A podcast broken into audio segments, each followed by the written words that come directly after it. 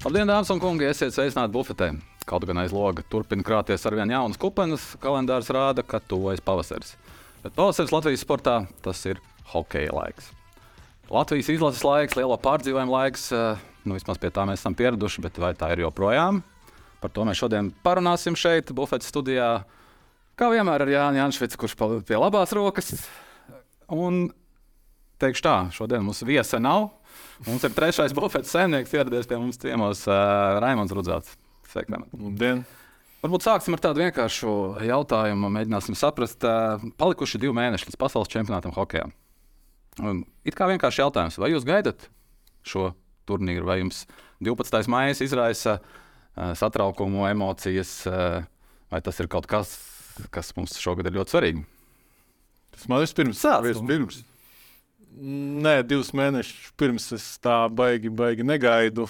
Nav vairs tas vecums, bet arī bērnībā tā negaidīju. Un, bet tad jau, kad nāk tuvāk, tad jau tie procesi sāk palikt interesantāki. Tās, tās, tās kaislības ap sastāvu veidošanu vienmēr ievelk jau tev pirms čempionāta tajā visā mutulī. Tā kā vēl negaidu.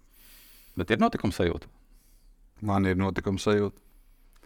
Mēs esam jau, protams, pirms tam mazliet parunājuši, ka kaut kādas lietas atšķirās, tur zvaigznes nav un tā tālāk. Un tā projām. Nu, šis ir ne tikai šajā gadā lielākais notikums Latvijā. Lai kā veiktos Latvijas izlasē, lai kā pēc tam veiktos arī tālu Āzijā, Latvijas basketbola izlasē, lielāks, nu, tur pa gadiem jāskatās, kas ir lielāks par pasaules čempionātu hokeja.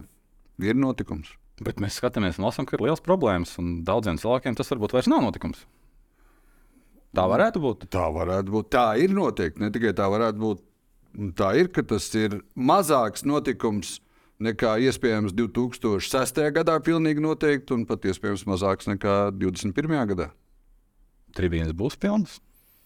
Nu, uz Latvijas izlases spēlēm es domāju, ka būs pilnas, vai, vai viņas tās biļetes tiks iztirgotas par tādām cenām, kā sākotnēji mm, vēlējās organizēt. Tas ir jautājums. Uh, Bet pat čempionāta kopējo apmeklējumu tur varētu būt jautri. Ja, ja, ja tagad jau mēs dzirdam, ka, mm, ka hokeja vidē tur um, klejos tur treneru starpā, tur vecāku starpā ziņas ar šo kodu. Tu vari iegādāties biļeti par 10 eiro. Ja, nu, uz spēlēm, kas no Latvijas izlases spēles, tad, tad tas nu, uh, kaut kādu paniku droši vien iezīmē organizatoru vidū par, par to, lai vispār iztrigotu arēnu nu, tādā pieklājīgā apmeklējumā. Bet ir problēmas ar biļetēm. Ir, nu, cenas ir, varētu teikt, varbūt adekvātas Eiropai, varbūt adekvātas lielajiem pasākumiem, bet mēs varam latvieši šo šobrīd, Latvijas iedzīvotāji šobrīd to var atļauties. Jo tas ir diezgan saistīts jautājums ar to, kas būs tribīnē. Ko es varu teikt? Vācijā nevar vairāk ģimeni atļauties pirmās formulas cenas. Vācijā ir liels problēmas visu laiku bijušas ar pirmās formulas apmeklējumu. Vācija ir izmēģinājusi savu laiku dažādiem nosaukumiem, gan Vācijas lielās balvas izcīņu, gan Eiropas lielās balvas izcīņu, Hockenheimas trasē, Nürburgringas trasē. Tas, cik maksā pirmā formula Vācijā, to Vācijas vidējā ģimene vairs nevar atļauties. Es piekrītu, ka es. Uh, Mana ģimene ļoti švaki varētu atļauties, nerunājot par Auskausu. Es piekrītu, ka nevar atļauties. Bet šis noteikti nav vienīgais sporta turnīrs, uh, Latvijā, Baltijā un pasaulē, kur vidējais cilvēks grūti var atļauties samaksāt šādu naudu par biļetēm. Man liekas, ka šis nav tas turnīrs, un vairs nav tā ažiotāža Latvijas hokeju, lai cilvēki arī laikus sāktu krāt naudu, nu, atlikt naudu. Jo kādreiz jau cilvēki jau bezmazliet no čempionāta uz čempionātu sāk krāt naudu nākamā čempionāta apmeklējumam, nu, kas bija ārzemēs. Uh, Un, uh, vienkārši tas ir tas, par ko mēs droši vien runāsim, ka tā ažiotāža ap Latvijas hokeja izlasi nu, ir objektīvi, neatkarīgi no kaut kāda politiskā fona, ir objektīvi kritusies. Un to mēs redzam kaut vai pēc televīzijas reitingiem. Jānis televīzijas pasaulē ilgāk strādājošs neļaus samelot, ka hokeja uh, pārraides, nu, nu, pasaules čempionāta translācijas joprojām ir starp skatītākajām. Vienalga, starp top 10 es redzu katru gadu reitingu tabulās, bet tie absolūtie skaitļi dažādu iemeslu dēļ, principā, nu, pa 50-60% kritušies. Tas ir saistīts ar dažādām lietām, arī to, ka cilvēki mazāk, ka viņu intereses paliek fragmentārākas, ja, ka kanāli vairāk, bet arī tas, ka tie, tas tie hokeja pavasari vairs nav nu, tādi ažiotāži raisoši. Uh, izlases rezultāti katru pavasari ir vienā un tajā pašā diapazonā. Nu, līdz ar to, ja vēl parādās uh, uz skatuves uh, tāds ažiotāžu raisošs notikums, kā potenciālā basketbola izlases debija pasaules kausā, nu, kas nevis potenciālā, bet neizbēgamā debija, tad, uh, tad arī nu, tāda nu, kādā mērā simpātiju favorīta līderu loma pārsvarās. Viņa, viņa pārsvarās tur, kur aizskrien nu, pūles, tie, kas ir tie īstenie hokeja fani. Tie, protams, apmeklēs šo čempionātu, ja tas būs viņu maciņu robežās. Jārēķina, ka mēs arī turnīru sagaidām pēc bargas ziemas, bargiem rēķiniem, inflācijas un vispārējā. Bet tāds, nu, ja var teikt, svētdienas līdzekļs vai ir gatavs pavilkties uz šo turnīru, ir, ir pagaidām bažas. Mēs arī neredzam izlases rindās, man liekas, tādu personību, kura dēļ nu, varētu kāds iet, paskatīties viņu klātienē, nu, kas, kas kādreiz varēja būt. Uh, ir Bozoliņš, Žotoks, Krastīņš, basketbolā, kas tagad izteikti porziņš, uh, Dārzs Bertāns. Vai hokeja tas, ka Zemgus Gigantsons ir paziņojis, ka viņš spēlēs, ir, ir tas iemesls, lai, lai tagad cilvēki uzmētos pie biļešu kasēm vai, vai virinātu internetā šīs attiecīgās vietnes. Un kaut kā nav tās sajūtas. Kas ir šobrīd mūsu lielākā zvaigzne? Uz ko teorētiski? Sportā? Hokeja. Hokeja izlasē, uz ko uh, Hokeja federācija var aicināt cilvēkus? Likins, man liekas. Jums citas versijas? Sākam ar to, ka pieraksts NHL šogad ir pieciem spēlētājiem. Ja ne pat vairāk nav. Ne, pieciem. Jā. Pieciem, ja. Labi.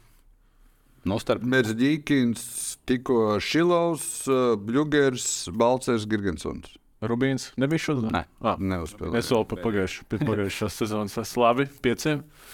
Nu, es jau piekrītu, Mēs Dīkins, bet, uh, ja es varētu to solīt atpakaļ, uh, tik cik man ir bijis jādomā par atsevišķa sporta veida popularitāti, tad uh, mans tas sadalījums ir, ka zvaigzne, superzvaigzne, lai kā tas sauktos katrā atsevišķā sporta veidā. Hokejs, futbols. Mm -hmm. nu, pamatā, protams, domājot par sporta spēļu, sporta veidiem.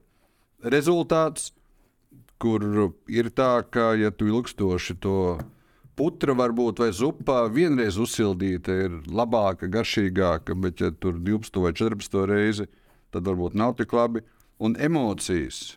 Un visā šajās man sadaļās, tātad kas ir tā pati tēma par, to, par tiem hokeistiem. Nu, Porziņģim nestāv manā uztverē klāt mūsu pieci nosauktie NHL hokeisti un arī ne citi hokeisti. Tas rezultāts, kas ir vienkārši Latvijai vēsturisks iekļūšana basketbola izlases pasaules kausa fināla turnīrā, un emocijas uh, ir, man ir kādu brīdi jāpadomā, kad tādas emocijas hokeja izlase deva mūsu sporta līdzjutējiem ka klātienē Latvija ir pozīņa uzvarot Turciju augustā vai kaut kā izbraukumā Lielbritāniju.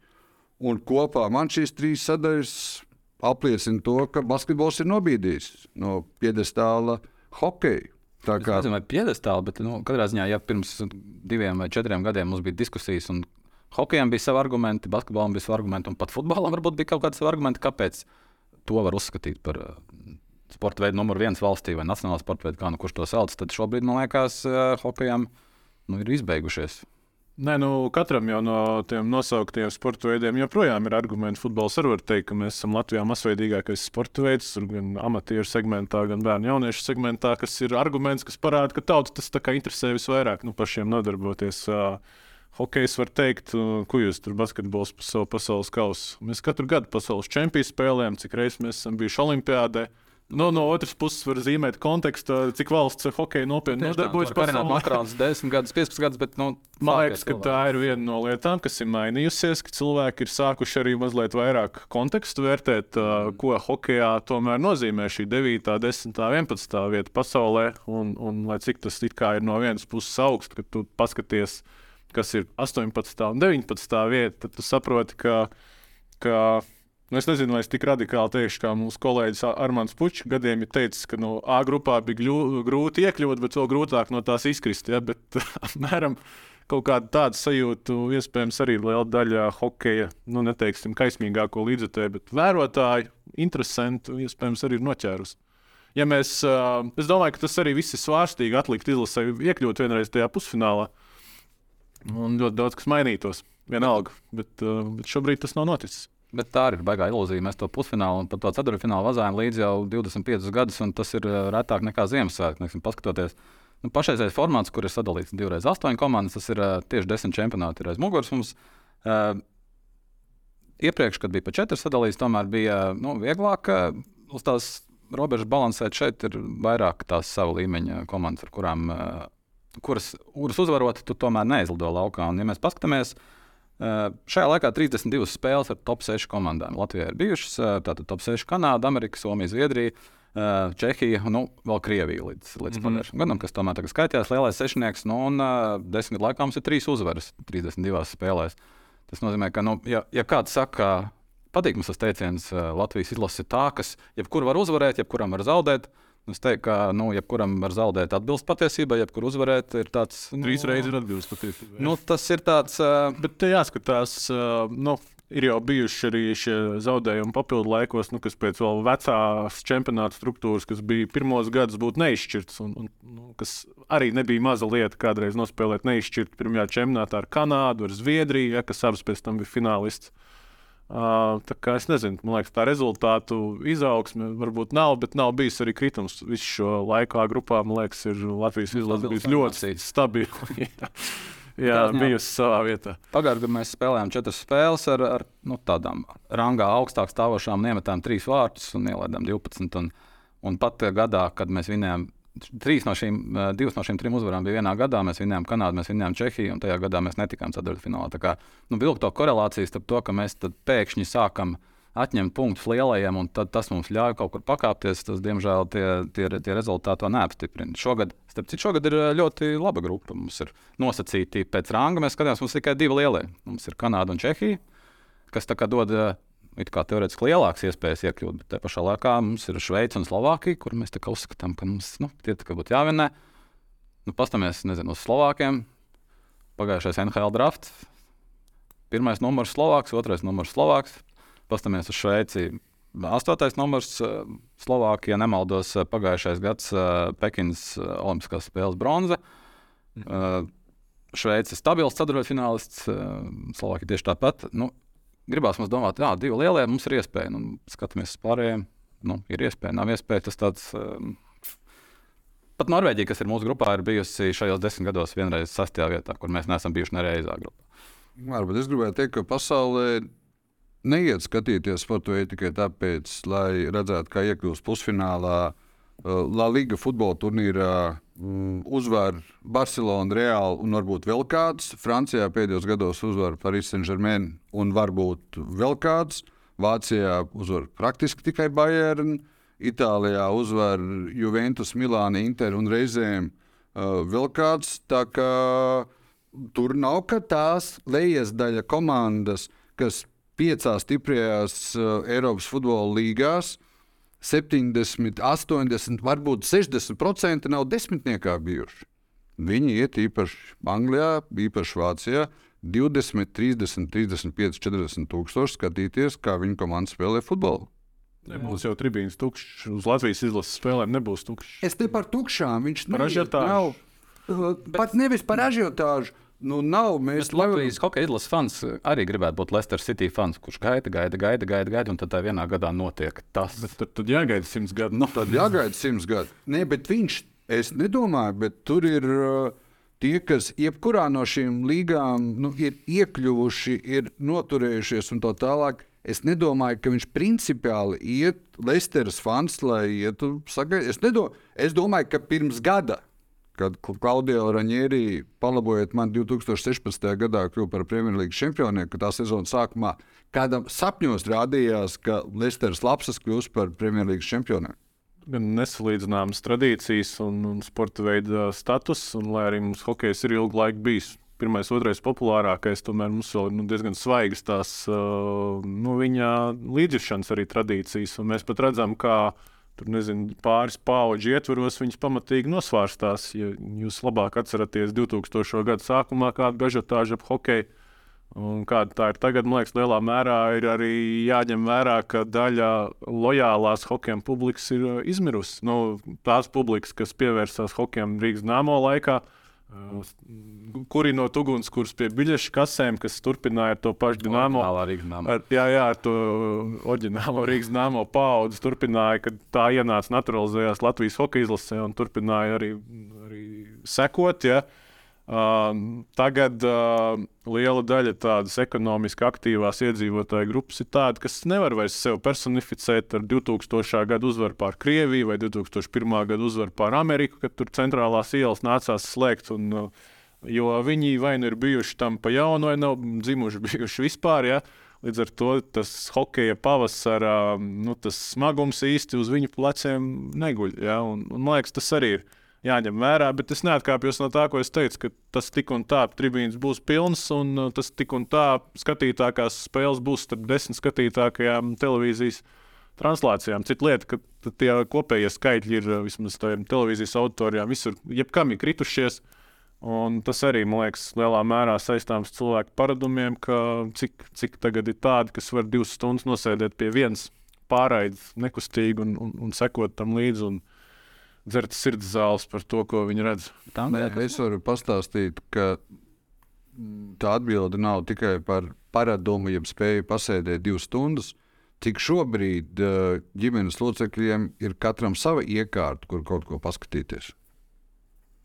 Katrs ģimenes loceklis pastāv telefonā kaut vai jā. Kaut vai telefonā. Tur, kur ģimene pie tās vienas iekārtas sēdēja uh, un kur kaut vai pietika diviem vai trim no četriem vai pieciem, nu, tie noskatījās. Pieņemsim, ka pārējie bija spiest skatīties līdzi. Pārējie bija spiest skatīties līdzi. Es nerunāju par tiem laikiem, kur bija četri kanāli, televīzijas vai pat arī šo gadu sākums. Man liekas, lielā mērā arī tas hokeja kults tajā laikā visās izpausmēs tika uzbūvēts uz tādu limitēto mediju telpu. Mm kurā, kurā ir maz kanālu, maz laikrakstu, maz populāru radiostaciju. Ja, un, un, un ja visās tiek kultivēts, ka ir pavasara trakums, ka šis ir mūsu gada notikums, 8000 cilvēku brauc uz ķelni skatīties ja, klātienē. Nu, tas arī mēs arī, man liekas, pēc tādas indikācijas kā fanu teltis varam novērtēt, uh, ir vai nav ažiotāža ap hokeju, jo, jo tās fanu telts jau ir, bet uh, vai tur ir tas uh, apmeklējums, kas bija kādreiz arī nu, uz tādu kopīgu līdzjūšanu, uh, ne arēnā, nu, neredzam mēs arī tur vairs to ažiotāžu. Tas nozīmē, ka viņas nav, bet nu, tie apmēri ir, ir kritušies. Uh, Un, nu jā, tas, domāju, līdz ar to tas tāds plašs saknes uh, dzen iekšā arī tajā stāstā, kas šopavasar ir ap to, vai valsts iedos finansējumu čempionātam vai neiedos. Tas ir vēl viens jautājums, politiskā aizmugure. Tas ir ļoti svārstīgs jautājums Latvijā un vienlaikus ļoti svarīgs jautājums. Hokejam šobrīd ir politiskā aizmugure. Izskatās, ka viņš ir kaut kur izdriftējis. Izskatās, ka nav. Tam ir, tam ir vairāki iemesli. Tur tāds, nu, faktoru kopums, un viens no faktoriem ir tas, ka ir sācies karš Ukrajinā un atsevišķi hokejam tuvu stāvošie personāļi kara sākumā nespēja ļoti konkrētu pozīciju paust par, par, sek, nu, par gaidāmajām darbībām. Tas bija gan Juris Savīts, kā Dienāmo padomus priekšsādētājs kara pirmajās dienās, gan Aigars Kalvīts, kā Hokeja federācijas prezidents. Tas uzreiz valsts amatpersonas uzkurbilēja uz ļoti straujām tādām um, inovācijām sporta likumā. Un to viņi arī publiski neslēpa, ka, ka tas, cik neizteiksmīgi hokeja vidi komunicēja šo situāciju, uh, uzvedināja uz to, ka jāizliedz vispār ar likuma spēku ir uh, Latvieši, Latvijas un Krievijas, Latvijas sportistiem startēt Krievijā, Baltkrievijā. Uh, tas ir viens, un, un tālākais no arī stāsts, kad uh, piesakāmies uz uh, čempionātu prasām valstī atbalstu vēstuli, ko dara Hokeja federācija, bet neprasām finansējumu uzreiz.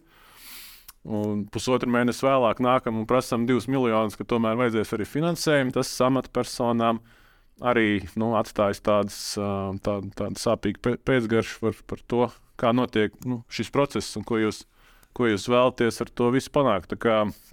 Es vēl šodien arī ar dažu labu deputātu koalīcijas neoficiāli aprunājos par, par to, nu, kas sagaidu hokeju.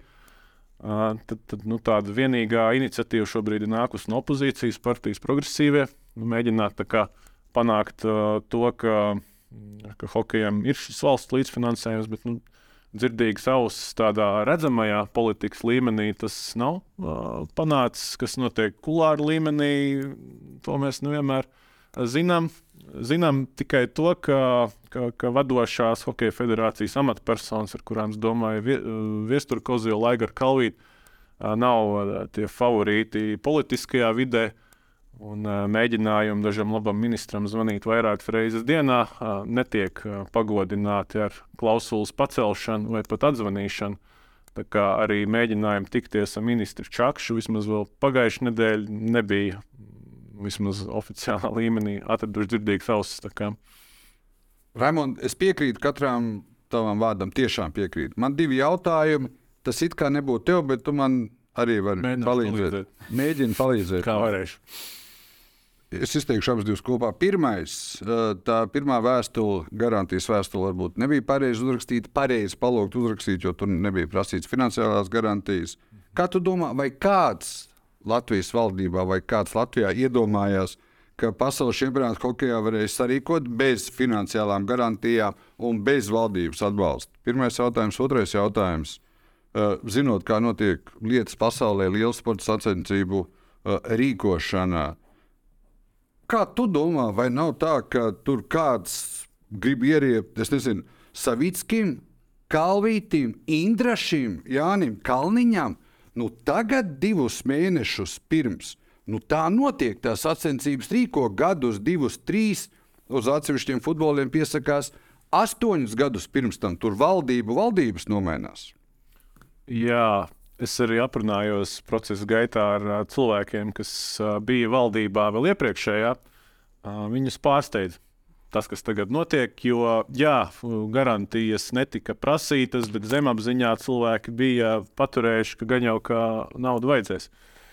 Uh, tas, ko tu minēji, ieriept, uh, un tu pirmo nosauci Juris Savicki, precīzi. Uh, bingo, uh, tajā vidē, kas ir politiskā vide, Savicki joprojām pieskaita pie, pie pelēkā kardināla, arī pie hokeja šā čempionāta rīkošanas, pie, pie federācijas kaut kādiem lēmumiem. Savickis bija oficiālā rīkotāja SIA Hokeja akadēmija padomus loceklis, tad, kad šo uzņēmumu dibināja. Tagad viņš vairs nav, bet cilvēki to atcerās joprojām.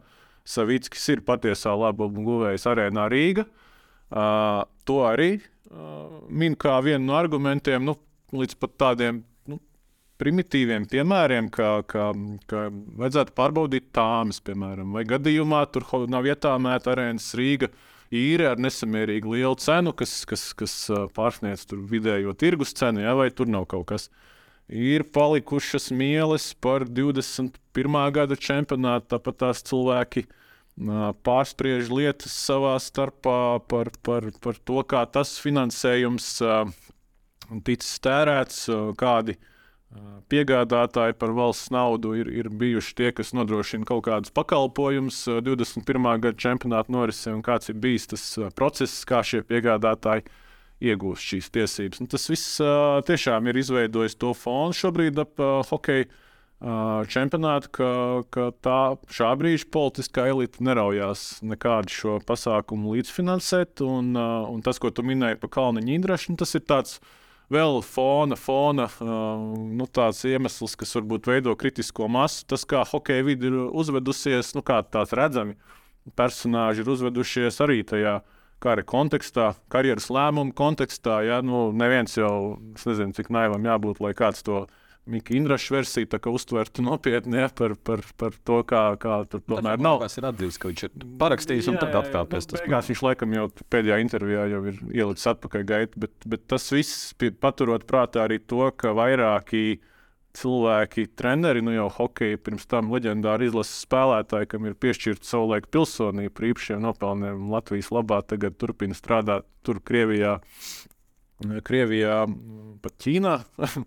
Viktors Ignaķevs, ja, kā piemērs, ap kura pilsonību savulaik bija karstas debatas, uh, lai saimnu to piešķirtu pēdējā brīdī pirms Latvijas-Baltkrievijas spēles Olimpiskajā kvalifikācijā. Nu, tas viss arī, arī veido. Jo tas jau nu, viens no tiem vēstījumiem bija uh, Sergejs Naumovs, kā, kā treneris ja, Maskavas CSK, kad kara pirmās dienas un ir šis komandas soliņa, šis kara atbalstošais.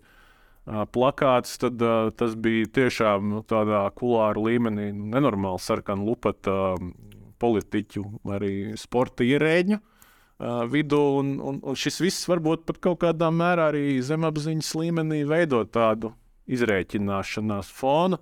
Bet uh, es vēl neteiktu, es teiktu, 50 uz 50 var gadīties, ka tomēr pārdomā cilvēki un, un, un kaut kādu atbalstu sniedz hokeja čempionātam. Jo Jo, nu, tāpat tās ir cīņa par reitingiem. Cilvēki saprot, ka, ka hokeja tauta interesē un, un, būs interesi par šo turnīru. Cita lieta, ka to jūs varat arī man palīdzēt komentēt, vai nav tā, ka hokejs ir zaudējis galvenā pozīcijas arī politiķu vidū. Kādreiz tas bija uguns, kurš pie kura pasildīt rociņas, tagad mēs paskatāmies Latvijas basketbola izlases spēles, un cilvēks, kas tur ieņem uh, vietas laukuma malā, uh, Uh, liekas, arī Raimond, neapšaubām ir, tāpēc man tas liekas vēl zemiskāk. Izdariet ar Savicku, kas ir jāizdara jebkādā kapacitātē, saimnes kapacitātē, valdības kapacitātē un tā tālāk. Un tā projām vēlreiz. Es domāju, tik, cik es saprotu, tā bija kļūda, ka nepaprasīja vēstuli ar finansiālām garantijām. Tad ir jautājums, vai piešķirt šīs, nu, vai valsts piešķirt šīs, šīs garantijas. Uh, Nezinu, tā būtu cita, cita situācija, cits scenārijs. Iespējams, iepriekšējās valdības sanākt. Jā. Ir zaudējis, es atbildēju uz tavu jautājumu. Es uzdošu savējo, vai jūs pieļaujat domu, ka 12. maijā nesāksies pasaules čempionāts hokeja Rīgas grupā? Es domāju, ka sāksies. Par to organizatoru nepieļauju domu, kurā tas nesāksies. sāksies. Bet, jebkurā gadījumā, es šeit liecos atbalstīt Raimondu par to, ka nu, tā ir tāda ievilināšanas lasdā. Uh, un tā ir atbildēšana par savām iepriekšējām rīcībām un darbiem, jeb citiem vārdiem reputācija. Un es nedomāju, ka hokejam šobrīd vajadzētu kaut ko apvainoties. Ja tu esi iepriekš uh, tur uh, piečurājis to mājas stūri, tad, uh, nu, tad acīm redzot, nākamreiz tev tur nelaidīs. Bet par to piečurājis, nu, te ir tā, tā būtiskā nianses. Tas jau, ka kaut kādi personāļi ir izdarījuši izvēles, kuras nav izdarījusi lielākā daļa hokeja sabiedrības. Jā Tā nav pārējās hokeja sabiedrības vaina. Atbildība ir tajā brīdī, kā tā pārējā hokeja sabiedrība ir reaģējusi uz šiem cilvēkiem. Un, un, un ja atskaita tur, nezinu, Arti Ābolu, kurš pasaka, ka viņš nesaprot šos cilvēkus, varbūt vēl kādu mazāk redzamu personāžu hokeja vidē, tad pārējie ir bijuši nu, tādi ļoti remdeni vai pat vispār klusi. Nu, tādā attieksmes paušanā par to, kā viņi redz, ko ir izdarījis Jānis Kalniņš vai viņi gribētu ar Miku Indrašu spēlēt izlasē, kad Vītoļņam prasa, vai viņš ņems Miku Indrašu izlasē. Arī ir uh, šīs, šīs um, nekatrās dzimtas atbildes, ja, un, un, un līdz ar to nu, arī tas ir veidojis fonu. Ja viņi būtu ļoti aktīvu pozīciju pauduši, nezinu, kaut ko izlases spētu atklātā vēstule, ka mēs norobežojamies no, no šiem cilvēkiem. Mūsu redzējums ir tāds, ja, vai izlases galvenais treneris Harijs Vītoļņš teiktu, mani sastāva komplektācijas principi tagad būs šādi. Un tie, kas viņiem nepakļaujas, man ir vienalga, cik viņi labi spēlētāji, ja viņi netiks izskatīti kā kandidāti. Tas arī daudz ko būtu ietekmējis. Tagad Raimond, jūs esat taisnība. Vai neviens uh, Soms nav kopš 2022. gada uh, 24. februāra spēlējis Krievijā? Vai neviens Somu treneris nav bijis Krievijā kopš 22. gada 24. februāra? Nu, tā ir šī Somu problēma. Lai viņi arī risina savu jautājumu. Es, es, nu, man liekas, man ir, mums nevajag skatīties. Jā, man ir grūti komentēt. Es tur nesot uz vārdu. Kāda ir? Man ticu, ka Somi ļoti stingri pieejas jautājumam, kas attiecās uz Krieviju arī sportā. Somija nav tā valsts pasaules vēsturē, kas pēc otrā pasaules kara beigām ir visstingrāk pievērsusies jautājumiem par sadarbību ar Krieviju. Somija nav tā valsts. Somija nav tā valsts ar visām savām robežām. Tā citas vispār cilvēku mentalitātes, citas demokrātijas tradīcijas. Mēs, man liekas, nevaram šīs valstis salīdzināt. Un citi kaut kādā mērā arī sporta veida statusi. Uh, jā, Somijā hokejs ir arī numur viens. Bet, uh, bet uh, Latvijas gadījumā viņš bieži vien ir bijis tāds neloģiskais numur viens. Jā, kaut kur kulta jā, jā, pozīcijā. Jā, kulta pozīcijā ar visām tām regālijām, kas apstāv hokeju, tur arī ar, ar ko mēs esam runājuši. Bērnu hokeju, ārprātu, ar vecāku fanātismu, ar, ar cilvēku vispār fanātismu, kā mēs uh, kaut ko gribam hokeja sasniegt. Jo visi cieņas somiem, bet uh, mēs ilgu laiku hokeja turējāmies elitē ar to, ka mums bija divas ledus halles, un pēc tam mazliet vairāk. Ja? Ar, ar ļoti limitētiem resursiem, bieži vien ļoti neizskaidrojamā kārtā. Mēs esam tur bijuši, cilvēki ir darījuši brīnumlietas, lai Latvijā būtu vienmēr labi hokeisti. Un, man liekas, mums ir pat ja mums Latvijā aizslēgt visas halas. Mēs atrastu pietiekami daudz cilvēku, kas atrastu veidu, kā izaudzināt vismaz 30 izlases līmeņa spēlētājus kaut kur citur pasaulē. Un... Kungi, es abiem pajautātu citādāk. Es tiešām pēc būtības esmu par to, ko jūs abi sakat. Uh, mēs, kad esam trijotā runājuši par to, kāpēc mēs gribam runāt savā starpā, runāt kopā, viens no iemesliem bija, ka mēs uh, skaidru valodu visi trīs vairāk vai mazāk runājam. Vairāk vai mazāk mēs tāpēc gribējām kopā trijotā runāt. Vai ņemot vērā un piekrītot, ko jūs teicāt, un ko es teicu par Kalniņiem, Indrašiem, Savickiem un pārējiem, vai nav tā drusku slapstīgi, jocīgi, ko šobrīd dara tā valdība? Nu, tad sakiet, kad nedosim vai dosim tik. Es pabeigšu. Tad sakiet, ka ne, tad sakiet jūs, ka mūs ievilināja. Nu, tad sakiet, bet jūs ne tas sakiet, ne tā nesakiet. Marts, divi mēneši līdz turnīram. Bet te ir tas, Jānis, ka viņi saka konkrēti. Es arī par to ar kolēģiem taisīju sižetu pirms pāris nedēļām Latvijas televīzijā. Un, un, un, un Severkungs, kas pārstāv izglītības ministriju, jau saka, mums jau pozīcija nav mainījusies. Kā, kā tad pie mums nāca un neprasīja naudu, pēc tam, kad prasīja, tad mēs viņiem atbildējām, ka. ka ka situācija nav, nav mainījusies. Jā, tagad ir uh, 23. gads. Budžets uh, sporta pasākumu starptautisku līdzfinansēšanu ir iztērēts jau pirmajos divos mēnešos. Ja jums sanāk, tad ejiet pie politiķiem patiešām caur nebudžeta programmu neparedzētiem gadījumiem, kā visbiežāk arī sporta pasākumu dabū finansējumu. Un mēģiniet, un tas, ko Hokeja federācija darījusi, izsūtījusi vēstuli visām saimnes frakcijām, Nu, iespējams, tur progresīvi arī bija tā frakcija, kas, kur tika atrasta dzirdīga auss, kas mēģinājusi budžeta komisijā šo rosināt. Tur, tur tika uzdoti papildus jautājumi, uz kuriem pati partija atbildēt loģiski nespēja. Uh, Nu, nu, nu, tas ir tāds oficiālais. Oficiāli jau viņi ne brīdi nav teikuši, mēs atbalstīsim, ne tagad mēs pārdomājām. Viņi jau nav ne brīdi pārdomājuši. Cita lieta, tas, par ko mēs sākumā runājām, ka, ka zemapziņā jau, protams, ka tā saprast, politiskā vide, protams, ka tā valdība zemapziņā paturēja, ka droši vien jau ka līdz šam, šim jautājumam nonāks. Bet viņiem formāli ir ļoti labas kārtas rokā, lai viņi visu arī atstātu tā, kā ir. Jo hokeja Uh, čempionāta organizatori 21. gada pārskatā ir uzrādījuši lielāku peļņu nekā viņi šobrīd prasa valsts līdzfinansējumu. Ja? Uh, tā mēs kaut kādās, ko viņi atrāda budžet, bija paredzēta peļņa čempionātam arī bez uh, valsts uh, līdzfinansējuma. Līdz ar to kaut kādiem politiķiem līdz ar to rodas jautājums, kāpēc mums ir jāpiedalās peļņas kāpināšanā. Un tā hokeja vidas atbilde arī ir uh, loģiska, ja viņi godprātīgi, ka, ka kā mēs jau, jo jūs mums vairāk palīdzat, mēs vairāk nopelnām, un mēs vairāk pēc tam ieguldīsim bērnu jauniešu hokeja. Nu, kas ir tas SIA hokeja akadēmijas dibināšanas uh, mērķis, bet, bet šodien parunājot ar, ar deputātiem, viņi no manis uzzināja, ka, ka, ka vispār uzņēmums rīko šo čempionātu. Tas tā, kā, tas tā kā arī nevairo vēlmi tieši ar pastarpināt sadarboties ar uzņēmumu, lai arī finansējumu prasa Hokeja federācija. Nu, Edgars Buncis, Jā, Hokeja akadēmijas valdes loceklis kopā ar citiem redzamajiem hokeja funkcionāriem, par kuru reputāciju mēs jau te runājām. Bet es drusku citā rakursā. Tik cik es atceros, tad uz katru lielo turnīru, Eiropas čempionāts, basketbolā, sievietes, vīrieši un tā tālāk, sports šādu vai citādāku iemeslu dēļ ir stāvējis vai gājis ar atvērtu plaukstu. Tikai stāvējis, arī dabūjis. Un ne tikai dabūjis, un tad ir tas, ko tu teici. Šis agrāk gadījums... nebija tādi jautājumi, jo agrāk tie politiķi ieguva politisko kapitālu. Jā, ir spēkā šobrīd tas, ko mēs apspriedām un it kā vienojāmies ir tās ažiotāžas kritums, un šobrīd nav izdevīgi būt blakus hokejam. Nē, tas, ko es gribu sasaistīt, uh, divas lietas, kas iespējams ir nesaistītas, bet kas šoreiz hokejam neveiksmīgi sajiet kopā.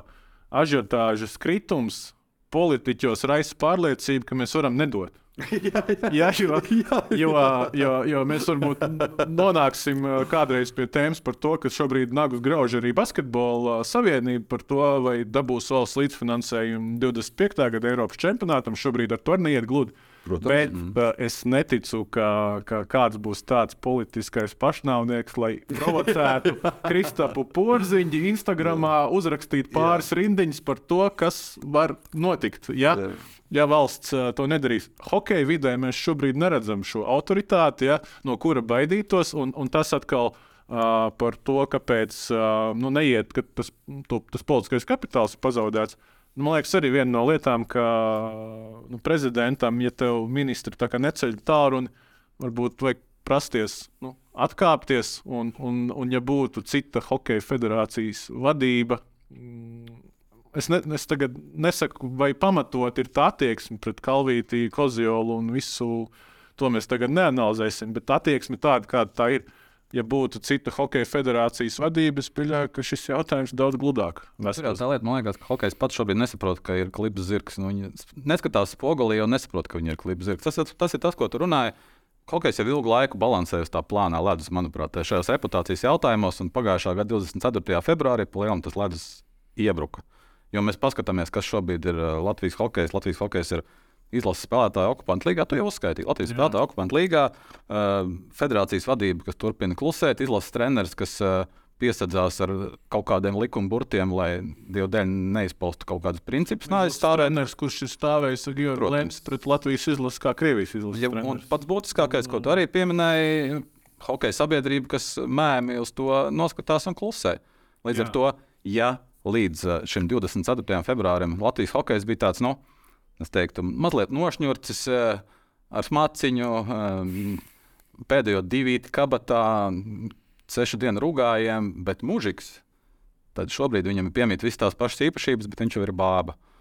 Un es nerunāju par dzimumiem, es runāju par raksturiem šajā situācijā. Un es domāju, ka hokejs ļoti būtiski pēdējā gada laikā sevi ir eh, pats savu galvu tā zem ūdens pabāzis. Jā, nu, nu tas, ko mēs teicām, to ir darījuši daži cilvēki, bet atbalstījuši klusēšanu. Ir, ir lielais, ir lielais, lielais vairums, nu, kas, kur, protams, atkal jāsaka, nu, viegli jau hokeja virzienā mest akmeņus. Viņi bija visvairāk saistīti ar Krieviju, Baltkrieviju, nu, no tīra attīstības uh, viedokļa. Basketbolam tādā ziņā arī jau nav tā, ka kāds tur ar superveikliem izteikumiem izceļas vai tādā garā, bet viņi var ļoti ērti nu, turpināt spēlēt līgās, kurās viņi spēlēja. Un Krievija tur bija maz, maz pārstāvēta no Latvijas. Tas darīja pats šādu izvēli. Krievijas virzienu, tāpēc, ka viņiem bija ļoti ērti spēlēt tur. Un tad, kad kļuva ērti, mēs nevaram vainot citus. Tomēr jāstāsta sevi. Neskatoties uz klibumu, rugājiem, pasaules čempionāts Latvijā būs. Būs, un, un viņš tāpat būs top notikums tās divas nedēļas, kad notiks ar, ar augstiem reitingiem un intrigām. Drusku gaidām, ne tā kā sastāvā gadā. Gaidīsim vairāk. es negaidu kā lielu notikumu, bet es gaidu ar interesi, kā viņi izkulsies no, šī, no šīs situācijas, kādā viņi ir iekļuvuši tagad ar visiem tiem faktoriem, ko mēs pieminējām. Raimonds, vai tu ar mieru vēl drusku par kaut ko citu parunāt? Agrāk bija. Jā, spērmaļā. Biatlonā bronza pasaules kausa posmā. Tā kā man izstāstīja, tur ir vairākas tās jauktās stafetes, bet Rastāra Gujevs ar Bendiku bronza. Vai tas ir Raimonds notikums? Mm, tas ir notikums. Protams, Ingūns ir laikam apkopojis statistiku. Tie, tie, tie, tie panākumi Latvijas biatlonā tieši Andrejam. Tagad baigi varam piesaukt klāt, kas saistās ar kāpšanas godu piedestālu pasaules sacensībās. Vienmēr ir pēc pasaules čempionāta. Uh, šajā gadījumā gan Andrijam bija izcils pasaules čempionāts, varbūt ne ar tām vietām, bet uh, tas vienalga, tā ir ražotāja, tā ir milzīga konkurence. Nav tā, ka tur uh, sportisti ierodās atslid, atslidināt sezonu līdz galam, jo tur tomēr ir pietiekami mērā ņemami balvu fondi, ja, lai būtu vērts par tām vietām pacīnīties. Uh, dzirdēju interviju televīzijā ar Ilmāru Brīsku, kur viņš secināja, ka šis var kaut kādu emocionālu pacēlumu iedot. Sevišķi viņa audzēknei dzīves biedrai Baibai, kurai tā sezona nav bijusi veiksmīgākā. Nu, nu, cerēsim, ka tas ir uz labi, jo Biatlonam kopumā šis, šis gads ir bijis smags. Jā, es piekrītu, bija tā nosmaka. Bet jā, tas, ko Raimons pieminēja, jā, no Andreja rezultāti vienmēr ir bijuši pavasarī. Uh, pēc pasaules čempionātiem, pēc Olimpiskajām spēlēm, trīs piedestāli ir, visi trīs ir martos. 17, 18 un tagad 23 gads. Uh, ir liels panākums bronza arī šajā jauktajā stafetē, bet ņemam vērā to, ka tas ir pēc pasaules čempionāta. Joprojām ņemam vērā to, ka pēc pasaules čempionāta un šajā tieši disciplīnā nu, neliek komandas savus līderus nu, šādos mačos. Nu, neliek. tu, tu, viņi risina savus individuālos mērķus, individuālās distancēs, un šeit pārsvarā startē tomēr 3. un 4. numuru. Un, un paskatoties konkrēti šo distanci, kur mums bija trešā vieta no lielajām valstīm, tikai Austrijai vēl ir divi pirmie numuri. Ne Francijai, ne Norvēģijai, ne Vācijai, kur nu vēl Zviedrijai, kas paliks šķiet 8. vai 9. vietā, kas, kurā ir nu, vesela rinda tiešām ar, ar top 10 sportistiem. Nu, neuzlika labākos sastāvus. Es, uh, gribot, negribot, es varbūt nedaudz piezemēju to, piezemēju to, to bronzu, bet uh, pasaules čempionātā mēs bijām 19 ar to pašu mūsu labāko sastāvu. 27 komandas startēja. Līdz ar to mēs to nevaram pielīdzināt kamaniņu braukšanai. Jā. Jo komanda ir vairāk. Man mīļie kamaniņu braukšana. Jā, tieši tā. Jā. tā nu, loģiku ir vajag saskatīt. Un, Tu tā diplomātiski teici, ka Baibai Bendikai šī nebija labākā sezona. Es teikšu, ka Baibai Bendikai šī bija sliktākā sezona pasaules kausos. Šaušanā 76, 70%. Ok, tas būtu mazākais, bet 45. vietā kopvērtējumā 88 punkti pa visu sezonu, nevienu reizi top 20. Un tas ir brīdī, kad sieviešu biatlonā ir diezgan zems punkts. Nav izteikti līderi, nav tādu spilgtu, lielajām komandām nav spilgtu sportistu. Andrejam savādāk. Pasaules čempionātā 5, 7, 9 vieta. Viņam ir, es teiktu, ļoti, labākais, ļoti labs čempionāts. Un es līdz ar to saku, ļoti laba sezona. Un, uh, lai nu kurš viņš bija pelnījis šo bronzu. Viņš bija nopelnījis to, ko viņš nedabūja pasaules čempionātā. Viņš dabūja šeit baiba, eh, mazliet ir pievilkta aiz uh, matiem, teiksim, tādā ziņā, ka neatbilst tai sezonai. Bet Baiba izdarīja šajā distancē to, ko viņš izdarīja. Abi divi malači, bronza, viss kārtībā. Līdz ar to es tikai priecājos, godavārds. Nešķobies, es priecājos. Es par citu jūs uh, drusku citā rakursā arī varat pateikt man. Norvēģija, Vācija, Francija, Zviedrija, Šveice, Austrija pie normāliem apstākļiem mums vispār jāgaida uz kādu medaļu. Vienādi. Pavasaris, rudens, ziema. No, jāskatās, man liekas, uz valstīm, jāskatās uz individuālu atlētu varējumu, kas, kas var to izpildīt. Kādreiz Horvātiju vēl pārstāvošais Jakovs Faks, pirms viņš pārgāja pie Slovēņiem, arī jau guva godalgotas vietas. Pasaules čempionāta jūtam. Kā Horvāts? Nē, à, nē nu, kā pēc, pēc, tam. Jā, jā, tā kā, protams, ka konkurence ir liela un tā konkurence. Tātad jāgaida. Jāgaida vienmēr ir no spēles. Biežāk kā Lesteris Lapsas gaida Premjerlīgas titulu. Jā, es teiktu, ka jā. Es teiktu, ka Andrejs izredzes nu, uzvarēt pasaules kausā lielāka nekā Lesteris izredzes uzvarēt Premjerlīgā. Jā, ja pasaules čempionātā pie tiešām mega konkurences rasturgojos trīs reizes iekļūst top 10 vienu čempionātu ietvaros, uh, tad Tas, parāda, ka kaut kur turpat blakus ir arī medaļas. Cita lieta, jāpaskatās viņa pasē. Man liekas, cilvēki ir palaiduši garām to momentu, kad bija tāds jaunais perspektīvais, no kura tūlīt, tūlīt, tūlīt, tūlīt, tūlīt būs. Tad pa vidu ir izskrējusi diskvalifikācija par antidopingu pārkāpumiem. Un, un, un pēkšņi, jā, apritēs 35 gadi. Jā, pēkšņi. Ka, jā. Diemžēl strauji tuvojās noslēgumam. Tas brīdis, kad mēs varam priecāties par Andreja panākumiem, Baibai vēl ir vairāk gadu priekšā. Bet, kas būs tur aiz muguras, tā man liekas, ir atsevišķa raidījuma tēma, kur par Latvijas biatlonu mēs varētu. Tur, runāt. tur ir traģiski neveiksmīga sezona, jā, bet tā nu, citai. Ne tikai sezona, bet situācija, apstākļi, personāži un jā. viss kopums. Vai mēs varam par kaut ko priecīgāku parunāt? Beidzot, parunāsim par kaut ko priecīgu. Viens Jā. no Raimonda Rudzāta mīļākajiem sporta veidiem ir sācis jauno sezonu iepriekšējā sezonā Regbijs. Tur tik skaisti Rīgā trenējās bērni, bet Bahreinā uzvaras svin Maks Verstapens. Raimond, vai tu biji priecīgs?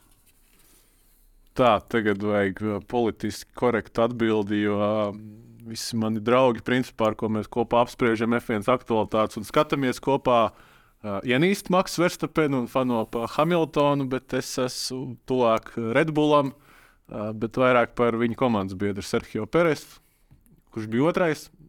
Man bija prieks par Alonso, tā kā es biju priecīgs. Un man bija prieks, ka Mercedes bija tur tālāk. Tas uh, tik reizes Alonso finišēs pirmajā desmitniekā, vai tas viņu ļoti stipri tūnās uzvarēt kādā no posmiem. Tu tagad tur esi ar guviju. Motīvu. Tur iebrauc, man liekas, ka tur ir bieži cilvēkiem ir vajadzīgs labi. saprast, kurā sinusīdas punktā viņš ir. Pats, Man...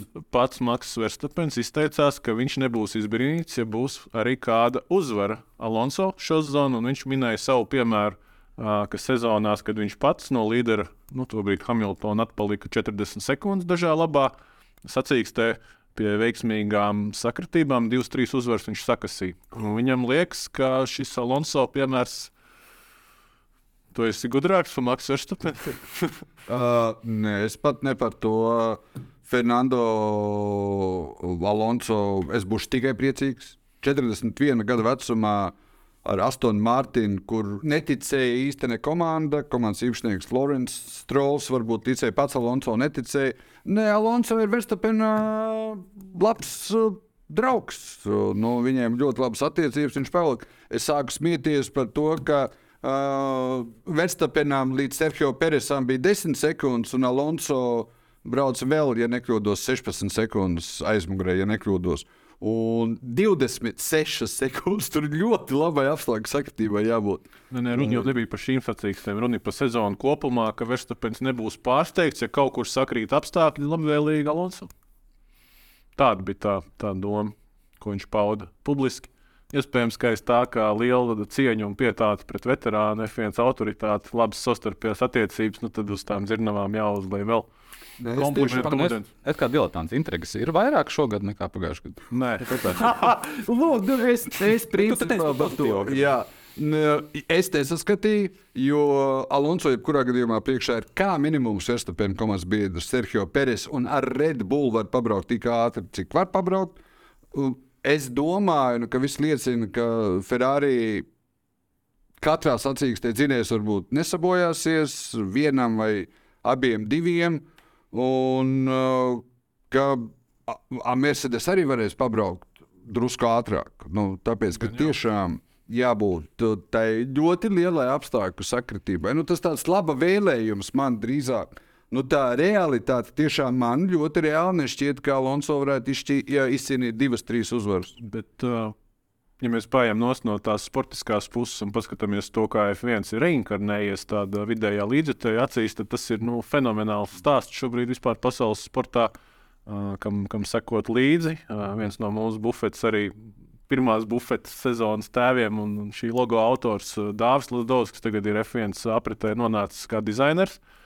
Un uh, sazinājāmies visu Bahreinas posmu katru vakaru, principā. Tas, ko viņš teica, ka tas uh, tā ažiotāža, un runājot arī uz vietas, trasē ar cilvēkiem, kas 20 un vairāk gadus apmeklē katru posmu, strādā tur uz vietas, esot vispār nesalīdzināma ar to, kāda tā vēl bija Bērnija Eklstona pēdējos gados. Uh, šobrīd ir uh, nonācis līdz tam, ka pedokā ir jābūvē papildus stāvi visu viesu uzņemšanai, un te nav runa par ielūgtiem viesiem, te ir runa par cilvēkiem, kas maksā par biļeti 5, 7, 8, Monakā laikam par 12 tūkstošus uh, dolāru. Ja?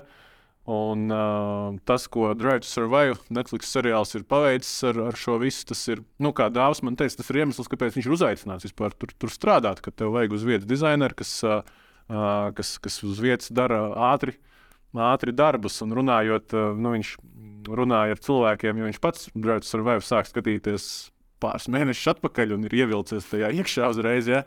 Runājot ar uh, cilvēkiem uz vietas, visi saka, ka pirms šī seriāla lielākā daļa tās populācijas PF1 sevišķi neinteresējās. Un, un, un tagad tas ir nu, tāds jauns kulta sporta veids ar visstraujāk augošo uh, auditoriju jauniešu vidē.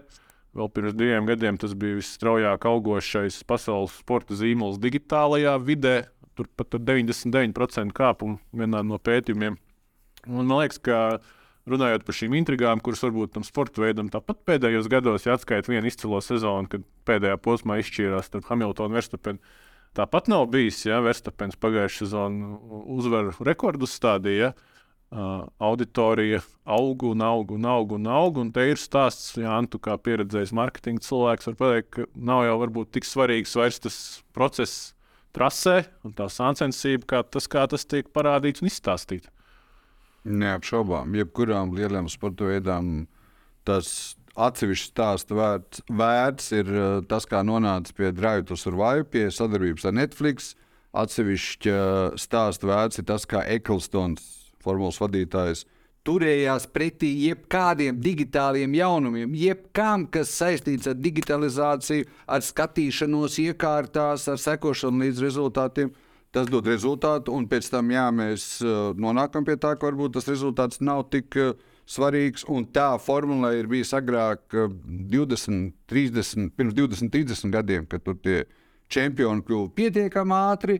Pārsvars liels ir bijis gan senām, gan prostiem, gan 80, 70. Šumacheram un- Jā, jā, Par tas, tas, bet, bet šobrīd jā, tas, kas ir mainījies un pret ko Eklstons bija cīnījies, piemēram, pret tādām primitīvām lietām kā vipzonā, burgeru tirgošana. Jā. Un, un tādām. Un šobrīd, nu, kā, kā man skaidroja Dārzs, ko mēs komunicējam daudz, ka tagad katru F1 posmu, un tā ir tā amerikāņu ietekme, cenšas sarīkot kā Superbowl. Latviji ir uzstādījuši tieši tādas uh, valstis kā Bahreina, Saudārābija. Līdz ar to arī Eiropas valsts ar savu šovu cenšas iet līdzi. Tiek algoti dīdžeji, izklaidētāji, viss kas, lai cilvēkiem uz vietas būtu daudz vairāk ko darīt Bernija Eklstona laikā. Tā kā jā, formula ir apmetusi pamatīgi kūlē. Bet man tikai viena piebilde, lai nepaliek, ka mēs abi esam nomiruši, uh, noniecinājuši Eklstonu. Savukārt Eklstons bija tas, kas kopā ar Maksu Moslī ļoti lielā mērā savu draugu, komandu vadītāju, vēlāk Startautiskās automobiļu federācijas prezidentu no sporta veida, nu, kur tur kaut kas brauca, kaut kas nebrauca, kaut kas pīpēja, kaut kas nepīpēja. Kaut kas piedalījās visās sacensībās 78, ā, 70. gada beigās, 80. gada sākumā. Kaut kas nepiedalījās, boikotēja, neboikotēja, nu, kas pacēla pie to gadu mārketinga tiešraides interese un tajos laikos pacēla kosmiskā līmenī. Tas ir tas, ko es arī gribēju piebilst, ka atkal tā formula, formula ne, ne tiešā, bet pārnestā nozīmē, kā Panākuma formula. Jā, panākuma formula, kā tirgot raitiesības, kā paņemt naudu no televīzijas, joprojām Un no tiek, ak- valstīm, no rīkotājiem. tiek, tiek aktīvi izmantot. Un tā Eklstona tā atslēga bija tajā, ka 50, 60 apļi, tavs logo visu laiku stāv vienā vietā. Mēs ar kamerām uh, sapogāsim tā, ja, lai, lai, lai viņš arī tiek attiecīgi parādīts. Un reizēm ir varbūt kādam liekas, kāpēc rāda šobrīd 17. vietā braucoši cilvēki pa taisni. Tur tas vajadzīgais logo ir, kurš nav varbūt pietiekami atrādīts. Un, un tas turpinās. Jā. Gaidām turpinājumu. Nu, skaisti mēs runājam. Sākām ar sporta veidu, kur mēs runājām par to, ka auditorija izmirst un jauniešus vairs neinteresē. Nonācām pie sporta veidu, kā ievilināt jauniešus un kā parādīt, padarīt viņiem aizraujošu sporta veidu. Nu, skaisti. Nu, mēs sākām ar kaut ko negatīvu, beidzām pozitīvu. Es atgriežos pie biatlona. Nē, bet piecām patronām. Izšāviem beigās savus sākt. Nu, labi, šoreiz. Teodors Bļūgers no pingvīna pārvērtās par zelta bruņinieku un jau paguva izcīnīt divas uzvaras un iekrāt ar skaistu piespēlīti no vārtiem, tā mazliet aizmuguriski uz viduszonu. Šī Teodors iešāva Bļūgeram, Golden Knights, pirmais rezultatīvitātes punkts. Tā ir laba izaugsme. No Tā ir ļoti zelta. Bruņinieki, tā ir milzīga izaugsme. Uh, labi, es Kitiju Laktu pieminēšu. Pieviri. divi vienā, varētu teikt, nosaukt par Eirolandes februāra labāko spēlētāju un vienlaikus gatavs savam otram mēģinājumam, sieviešu nacionālajā basketbola asociācijā. Fietā nesenāca. Mēģinās Dallasā, viena no retajām, kas ir noslēgusi līgumu virs eh, iztikas, eh, nevis iztikas, bet līgas minimuma teiksim, eh, kontraktos. eh, em, 70 tūkstoši ir līgums.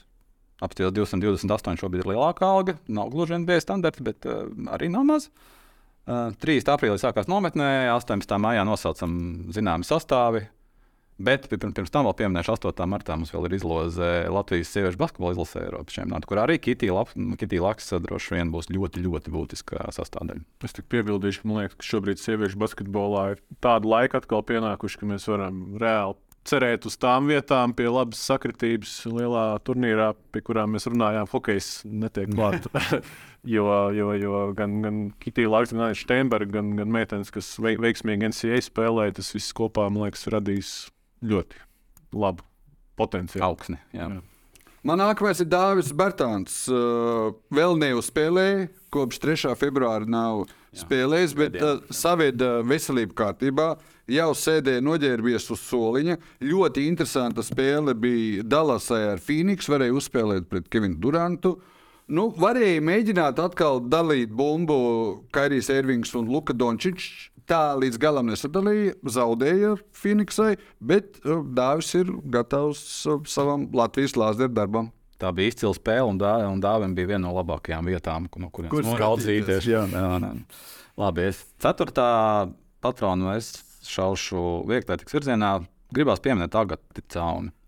Mums notika Stambulā Eiropas čempionāts telpās. Šausmīgi kopumā nebūtiski mači, droši vien maz interesanti. Latvieši tikai trīs, bet uh, Agata viena no tām viņai pat nebija augstākā vieta, bet uh, 11. vieta 3000 metru skrējienā, labots Latvijas U20 uh, rekords un labākais laiks šogad Eiropā šajā vecuma grupā. Pieminēšu, Agata ir 18 gadi. Uh, rekordus viņa šķēla kā rīkstiņš jau 16 un 17 gados. Tā kā meitene no Valmieras, no Jāņa parka, kas uh, katru rītu viņai uz skolu jāiet. Bet viņa ceļās sešos, dodas uz treniņu, pēc skolas dodas uz nākamo treniņu. Ļoti mērķiecīgi iet tajā virzienā. Es teiktu, ka, ja mums viegli ir kādi ļoti bēdīgi laiki, tad šeit ir viens uzvārds, ko vajadzētu iegaumēt, kas, par ko mēs runāsim ļoti skaļā līmenī, nestoties uz to, ka viņi ir distancēs, kur ir ļoti daudz uh, no Āfrikas uh, tās meitenes. Man pēdējā, ja drīkst savu negatīvu, nedrīkstam nepieminēt, man šķiet, Lionel, Lionels Messi tika atzīts par FIFA gada labāko futbolistu. Gads, kad viņš izcīnīja pasaules kausu, aizved beidzot Argentīnu. Droši vien, ka tur nevarēja ne, nevienā, Tas nebija. nevarēja iedot, nezinu, kā Plāna B nebija. nebija. Iedeva pie tāda savu pasaules kausa, vēl Lionels var pielikt gada labākā kārtējo jau kārtējo titulu. Nu, ko, piecas patronas izšauts, munīcija beigusies. Uh, Droši vien, ka varam likt punktu arī šai bufetes epizodei. Nu, tad Ļoti sāk, patīkamajai epizodei. ļoti patīkamai. Sākam krāt uh, faktiņus, sākam krāt viedokļus, sākam krāt notikumus un uh, skatu punktus. Un tiekamies pēc nedēļas atkal ar jums uh, bufetes nākamajā epizodē. Vislabāk!